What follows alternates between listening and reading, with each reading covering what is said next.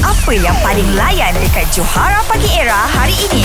Alright guys, kita nak jemput anda bersama Nita Manis ni untuk bermain satu permainan yang akan menguji kepantasan minda berfikir. Kita ada Ami. Korang ni dah fikir masa-masa hari hantar ni kita ni. Eh, cakut je. Siapa?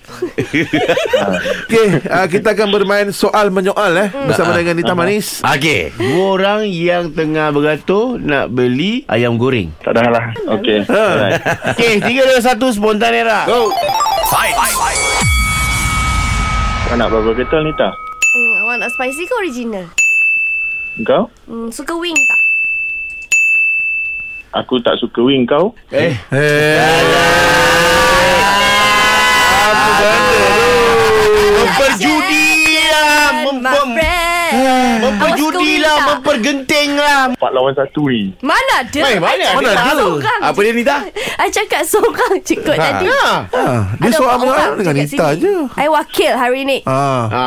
Macam mana tu? Okey, bye-bye. Okey, Eh, bye-bye. jangan. Eh, Kau bukan main nak babai lagi ya.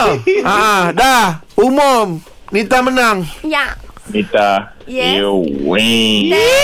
Oh, lain kali jangan poyok, jangan poyok. Tak apa, you can call me anytime. Nanti Yeah. match ke apa boleh. Tak Kalau berani repeat lah.